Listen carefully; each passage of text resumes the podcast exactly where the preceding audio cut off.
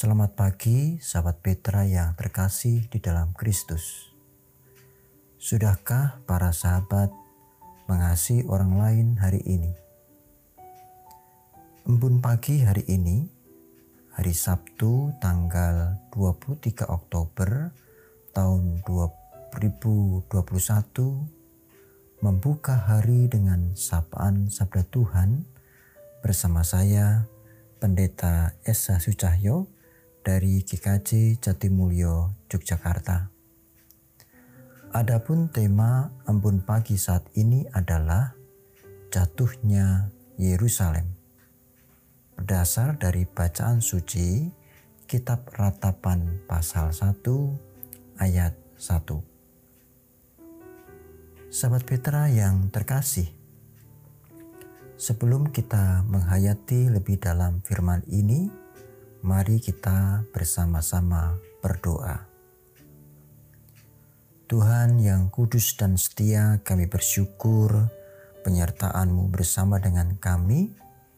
Bahkan kami diberikan berkat bisa bangun pagi, menghirup udara segar, semuanya karena kasih Tuhan. Dan saat ini kami bersama-sama dengan sahabat Petra yang lain mengutamakan diri untuk menghayati firman Tuhan dalam embun pagi. Kiranya ya Bapa, firman-Mu tak hanya kami dengar, namun firman-Mu benar-benar menyatu dalam hidup kami. Bersabdalah, ya Bapa, berikanlah roh kudus-Mu hadir bersama dengan kami. Di dalam nama kudus, Tuhan Yesus Kristus, kami berdoa dan bersyukur. Amin.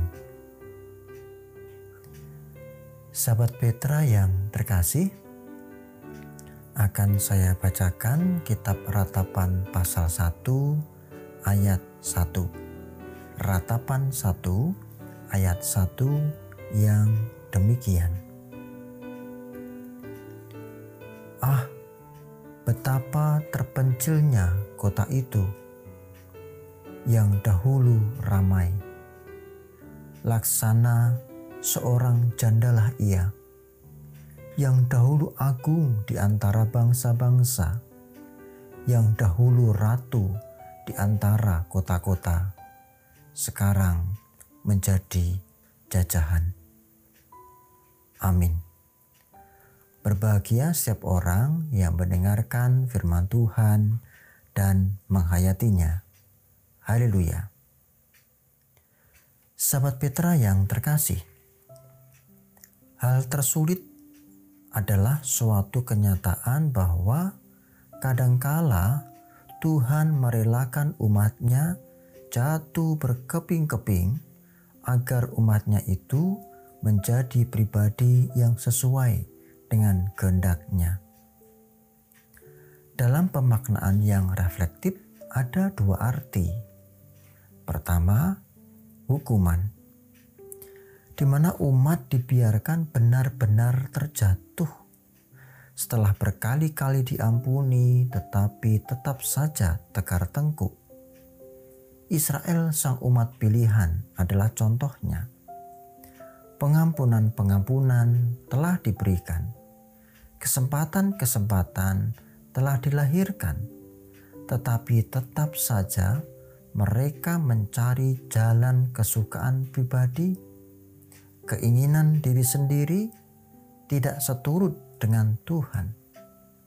Inilah yang terjadi pada Israel. Bagaimana dengan sahabat Petra? Saya berharap tidak seperti Israel. Arti yang kedua, pengharapan. Sahabatku, sebesar apa pun marahnya Tuhan, masih ada pengharapan. Syaratnya adalah kesediaan diri untuk bertobat. Saat proses pertobatan itu terjadi, pribadi kita sesuai dengan kehendaknya. Pertolongan Tuhan akan diberikan. Sahabat Petra yang terkasih, kitab ratapan adalah suatu rintihan yang penggambarannya tiada akhir. Suatu erangan kesakitan sekaligus penyesalan. Yeremia menyaksikan pada kita dalam tulisan yang tragis. Pasal 1 di ayat 1 adalah kalimat pembuka yang lugas dan langsung pada tujuan. Ia menggambarkan suatu perubahan yang drastis sekaligus tragis. Yerusalem yang dulu adalah kota suci, ramai, dan menjadi pusat religiusitas, namun kini menjadi terpencil, jauh dari kesukaan para penduduknya. Ia disingkirkan, bahkan dianggap tidak ada lagi. Ia digambarkan seperti seorang janda yang dahulu begitu agung, tetapi kini penuh dengan kesusahan dan kegelisahan. Ia seperti ratu di antara kota-kota, tetapi dulu kini menjadi jajahan. Dulu begitu terhormat, kini menjadi budak. Sungguh tragis nasib Israel yang sedang terjatuh dan terhukum. Mengapa Yerusalem terjatuh? Bagaimana mungkin Tuhan seolah terlalu teka padanya? Mungkin kita bertanya-tanya. Sahabatku, mari perhatikan ayat 8 dan 9 bagian A. Dikatakan di sana begini, saya bacakan. Yerusalem sangat berdosa, sehingga najis adanya. Semua yang dahulu menghormatinya, sekarang menghinanya karena melihat telanjangnya, dan dia sendiri berkeluh kesah dan memalingkan mukanya. Kenajisannya melekat pada ujung kainnya, ia tak berpikir akan akhirnya. Sangatlah dalam ia jatuh, tiada orang yang menghiburnya. Sahabatku, hukuman harus ada bagi Yerusalem. Ia sangat berdosa. Kenajisannya melekat pada ujung kainnya. Ini adalah penggambaran bagaimana mereka hidup dalam kekudusan yang semu. Dengan nabi-nabi dan imam-imam yang bertindak sesuka hati. Kini mereka mendapati diri dalam kubangan kenajisan yang mendalam. Kepandaian otak dan akal budi yang dulu diagung-agungkan, bahkan kuasa-kuasa mereka tak bisa diandalkan lagi mereka benar-benar jatuh.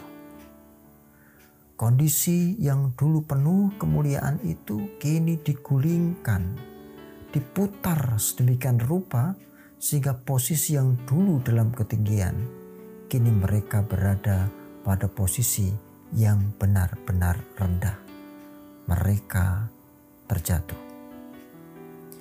Sobat Petra yang terkasih, mungkin kita atau saudara kita pernah dan atau sedang mengalami pengalaman serupa dengan Israel. Jangan sampai kita segera merendahkan mereka, menyalahkan mereka. Jika itu terjadi, jangan-jangan justru kita juga sama dengan mereka. Justru sebaiknya adalah bawalah mereka ke dalam doa, agar semua peristiwa bisa berlalu, agar semuanya bisa menjadi pembelajaran dan pertobatan dilakukan. Ingatlah, sahabatku, tidak ada yang bisa menghindar dari murka Tuhan. Biasanya Tuhan mengingatkan dengan banyak cara. Pertama-tama melalui saudara-saudara kita, mendekati kita, mengingatkan kita, mengkritisi kita, Ketika kita tekar tengkuk, pengingatan kembali terjadi, mungkin melalui majelis gereja, melalui pendeta. Tekar tengkuk, hati-hati. Kadangkala Tuhan hadir sendiri dan memberikan peringatan sendiri. Seperti Israel, pembuangan terjadi. Saya mengulang dan menandaskan, tidak ada yang bisa menghindar dari murka Tuhan. Namun mari kita berefleksi. Kepada siapa kita berpaling ketika murka Tuhan menerpa hidup kita? Karena kita suka main-main dengan dosa? Catatan pentingnya adalah kembalilah kepada Tuhan. Murka Tuhan tidak membinasakan. Catat itu, saudaraku. Murka Tuhan tidak membinasakan melainkan mendisiplinkan, memurnikan, supaya kita menjadi umat yang sesuai dengan kehendaknya. Inilah pengharapan itu. Mari melihat terjatuhnya Yerusalem sebagai kaca benggala sekaligus mengimani Kristus sebagai alasan bagi kita meminta pengampunan kepada Bapa. Kristus bersedia mati supaya bersamanya pula kita bangkit. Amin. Demikian firman Tuhan dan perenungan kita. Mari kita bersama-sama berdoa, mohon tuntunan agar firman ini benar-benar kita rasakan dan hidup kita semakin mengalami pertobatan-pertobatan. Mari kita berdoa. Tuhan, kami sungguh bersyukur atas firman-Mu hari ini. Kiranya hari-hari kami senantiasa terlahir atas firman-firman-Mu, sehingga perbuatan-perbuatan kami sesuai dengan kehendak Tuhan. Namun kami tahu kemanusiaan kami kami penuh dengan dosa, sehingga kadangkala bukannya kami mendekat kepada Tuhan, justru menjauh. Namun kami yakin, penyertaan roh kudusmu membangun kami lebih baik lagi dan mendekat kepada Tuhan. Sekali lagi kami mengucapkan syukur atas firman-Mu saat ini. Bapa, kami melanjutkan hidup kami Hari ini ya Tuhan, kiranya roh kudus menuntun kami ketika kami sekolah, ketika kami bekerja, ketika kami beraktivitas-aktivitas bersama dengan masyarakat. Tuhan, kehadiranmu semakin memulihkan relasi kami di lingkup pekerjaan, sekolah, maupun sosial masyarakat. Semoga itu terjadi ya Bapak dalam hidup kami, agar dimuliakanlah namamu. Dan masih dalam situasi kondisi pandemi COVID-19 saat ini, berikanlah kami kekuatan ya Tuhan. Berikanlah kami ketatakan melalui ini semua dan sadarkan kami agar kami tetap disiplin protokol kesehatan. Lebih-lebih kami berdoa bagi saudara kami yang sedang sakit secara jasmani. Masih ada yang terpapar COVID, masih ada yang mengalami sakit-sakit jasmani dan dirawat di rumah sakit. Ya Tuhan, berkatilah kami dengan kesembuhan di dalam bilur kasih-Mu. Dan untuk perjalanan kehidupan kami selanjutnya, kami serahkan dalam tuntunan tangan kasih Tuhan. Kami percaya Tuhan memberikan kasihnya. Maka izinkan kami ya Bapa untuk undur dari acara ampun pagi saat ini dan melandaskan kehidupan kami hanya di dalam tangan kasih Kristus. Di dalam nama Tuhan Yesus Kristus yang mengampuni kami dari segala dosa kesalahan, kami berdoa dan bersyukur. Amin. Demikian sahabat Petra yang terkasih dalam Kristus, kiranya hikmah dan kasih Tuhan senantiasa terasa dalam setiap langkah nyata hidup kita. Saya, Pendeta Esa Sucahyo dari Kikaji Jatimulyo, mohon diri. Sahabat Petra, selamat mengasihi orang lain hari ini. Tuhan Yesus memberkati. Amin.